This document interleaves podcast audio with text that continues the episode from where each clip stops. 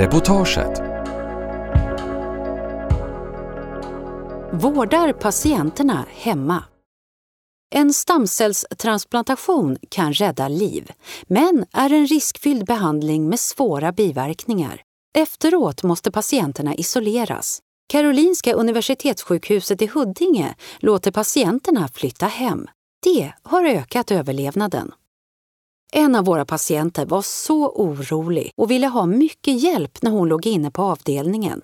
Men direkt när vi kom innanför dörren i hennes hem tog hon kommandot och förklarade var lådorna med vårdutrustning skulle stå och hur allt fungerade. Patienterna sträcker verkligen på ryggen när de kommer hem, berättar Britta Eriksson, hemvårdssjuksköterska och adjungerad klinisk adjunkt på Centrum för allogen stamcellstransplantation, KAST, på Karolinska Universitetssjukhuset i Huddinge. Patienterna sträcker verkligen på ryggen när de kommer hem, berättar Britta Eriksson, hemvårdssjuksköterska och adjungerad klinisk adjunkt på Centrum för allogen stamcellstransplantation, CAST, på Karolinska Universitetssjukhuset i Huddinge. Hit kommer patienter med olika typer av blodcancer, leukemi, lymfom eller myelom, när andra behandlingar inte hjälper. Genom stamcellstransplantationen får de ett helt nytt immunförsvar. Det kan leda till bot, men behandlingen är riskfylld och kan i värsta fall innebära att patienten inte överlever. Trots riskerna har Karolinska, som första sjukhus i världen, gjort det möjligt för patienter att vårdas i hemmet istället för att isoleras på sjukhuset. Hemsjukvården lanserades 1997 av professor Olle Ringdén och sjuksköterskan Britt-Marie Svan.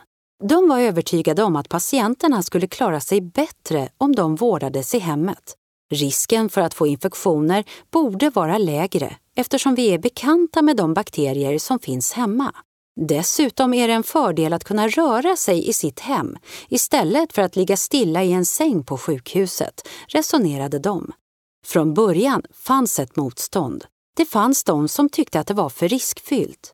Även Britta Eriksson var i början lite orolig när patienterna mådde dåligt hemma. Men det är hon inte längre. Tvärtom.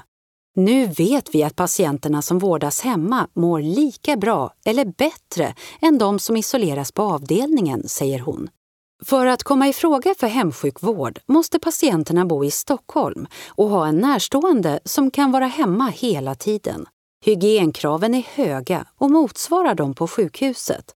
Varmvattnet måste hålla en temperatur på minst 50 grader. Eventuella barn får inte gå på dagis. Det får inte finnas husdjur eller krukväxter hemma och man får inte bygga om.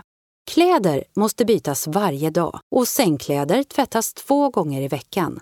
Inför behandlingen åker Britta Eriksson hem till patienten, kontrollerar att alla villkor är uppfyllda och har ett informationssamtal med patienten och den närstående.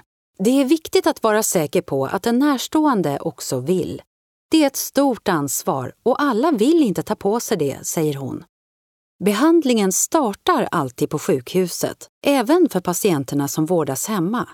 Ungefär en vecka före själva transplantationen installerar de sig i ett av de 20 specialanpassade rummen på avdelning 72-74 för att genomföra förbehandlingen.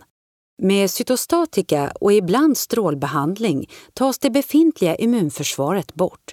Om donatorn av stamceller inte är en släkting får patienten också antikroppar. Själva transplantationen går till på samma sätt som en blodtransfusion. De nya stamcellerna förs in i kroppen via en central venkateter som opereras in på bröstet. Det tar ungefär två timmar och är odramatiskt. Direkt efteråt mår patienterna ofta bra och de som ska fortsätta vården i hemmet åker hem redan på kvällen.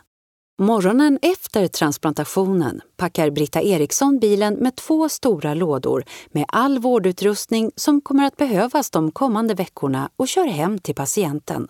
Jag gör samma undersökningar som på sjukhuset, tar blodtryck, temp och vikt, kontrollerar listan där de skrivit upp vad de har ätit och druckit. Målet är att de som vårdas i hemmet ska klara sig med smärtstillande morfintabletter. De får själva ta ett stort ansvar för sin medicinering. De första biverkningarna brukar visa sig efter några dagar. Det brukar börja med att de får fruktansvärt ont i munnen och halsen. Ibland blir det stora sår som gör det svårt att äta. Eftersom bakteriefloran i tarmarna är förstörd mår många illa, kräks och får diarré. Blodets förmåga att koagulera kan påverkas. Urinblåsan har ibland blivit förstörd av cytostatikan under förbehandlingen och eftersom patienten inte har något immunförsvar kan den inte läka utan det blir blod i urinen. Det kan också bildas små proppar i levern som ger vätska i buken och höga levervärden. Det här kan vara mycket smärtsamt för patienterna, men det Britta Eriksson är extra uppmärksam på är feber.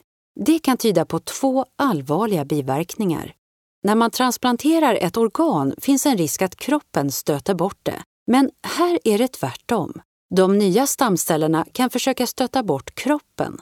Samtidigt som en sån reaktion kan bli livsfarlig är det bra för blodcancerpatienterna att få en mild reaktion. Då attackeras nämligen även cancercellerna, vilket minskar risken för framtida återfall, förklarar Marie Wikström, chefssjuksköterska på KAST. Förklarar Marie Wikström, chefssjuksköterska på KAST. Den andra risken är att patienterna får en bakterieinfektion som kroppen inte klarar av att ta hand om. I värsta fall kan det leda till en septisk chock. Blodtrycket faller, organen slutar fungera och patienten hamnar i koma och dör. Det är därför patienterna isoleras efter transplantationen. Vi vill minska risken för att de utsätts för främmande bakterier. Men ofta smittas de av sina egna hud eller tarmbakterier, säger Marie Wikström. Britta Eriksson kommer hem till patienten varje vardag i två till fyra veckor. Doktorn ringer varje dag och det finns också en kurator, dietist och sjukgymnast som patienterna har träffat på sjukhuset och kan ringa. Av dem har patienten fått med sig ett träningsprogram och vägledning om mat och näring. Ett besök tar ungefär en timme, men varierar beroende på patientens behov. Fördelen med att arbeta hemma hos patienterna är att jag kan fokusera helt på dem. På avdelningen är det alltid många olika saker som händer runt omkring och som avbryter arbetet. Men så fort jag kommer innanför dörren hemma hos patienterna kan jag ägna dem all min uppmärksamhet. Jag får tid att engagera mig i dem och kan prata med dem så länge de vill. Det är olika vilka behov de har. En man lagade nästan en hel hotellfrukost varje morgon för att jag skulle stanna längre. Han var rädd att bli sjuk och stängde av sitt sociala liv. Jag var den enda utomstående han träffade som han inte var rädd för. En annan patient var tvärtom. Så fort jag hade gjort det jag skulle ville han att jag skulle åka så att han slapp känna sig som en patient, säger Britta Eriksson. Hon upplever att patienterna är glada över att kunna vara hemma istället för att isoleras i ett rum på sjukhuset. Jag upplever att de uthärdar smärtan från biverkningarna bättre när de är hemma. Det är en sporre för dem att slippa åka in till sjukhuset. I hemmet har de också mer att göra som distraherar dem och som hjälper dem att stå ut. En del patienter mår dessutom väldigt bra. En man i 70-årsåldern sa “Vad bra att jag som mår så bra kunde åka hem. Vad skulle jag ha gjort i ett sjukhusrum i flera veckor? Men det händer också att hemsjukvården får avbrytas. Under hela behandlingen har patienterna kvar sitt rum på sjukhuset och de kan åka dit när som helst, antingen på eget initiativ eller på personalens. Oftast måste de åka in för att de får feber och behöver få intravenös medicin. Det kan vi inte ge hemma. Om de inte klarar av att svälja morfintabletterna kan de också behöva få smärtstillande intravenöst. Många gånger kan de åka hem igen efter ett dygn eller ett par dagar, säger Britta Eriksson. När hemsjukvården utvärderats och resultaten jämförts med patienter som isolerats på sjukhuset fick de svart på vitt att sjuksköterskornas upplevelse av att hemvårdspatienterna mådde bättre stämde. Uppföljningen visade att överlevnaden var bättre bland dem. De åt bättre och var mer i rörelse. Det gjorde att tarmsystemet höll igång, vilket motverkade både de farliga infektionerna och risken för avstötning. Vård i hemmet kräver också mindre resurser då den minimerar användningen av intravenösa mediciner. Resultatet fick oss att fundera på hur vi kunde utveckla vården på avdelningen.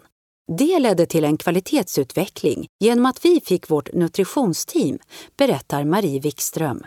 Nu håller de på med en enkät som undersöker de närståendes upplevelse av hemsjukvården. När jag är hemma hos patienterna brukar jag se till att få en stund på tu man hand med den närstående. De drar ett tungt lass och en del är oroliga. Vi undersöker om en kurator kan följa med hem till patienterna vid något besök, både för patientens och den närståendes skull, säger Britta Eriksson. Resultatet från hemsjukvården har väckt internationell uppmärksamhet. Britta Eriksson och Marie Wikström har tagit emot studiebesök både från Holland och USA och dessa länder är på gång att starta liknande verksamhet. I våras var Britta Eriksson i Spanien och berättade om erfarenheterna och tidigare har sjuksköterskan Britt-Marie Svan, som startade projektet, talat på internationella konferenser. Det finns ett stort intresse bland sjuksköterskor medan läkarna är mer skeptiska. De är rädda för att patienterna ska få en septisk chock och dö. Men faktum är att ingen av våra patienter har dött hemma, säger Britta Eriksson. Ungefär tre veckor efter att Britta Eriksson första gången kommer hem till patienterna med de två lådorna med sjukvårdsutrustning brukar hon få köra tillbaka lådorna till sjukhuset igen. Patienterna blir utskrivna när immunförsvaret kommit igång igen och det avgörs genom att mäta andelen vita blodkroppar. När immunförsvaret har kommit igång kan vi skriva ut hemvårdspatienterna snabbt eftersom vi vet att de kan äta, ha koll på sina mediciner, orkar vara uppe och hålla igång.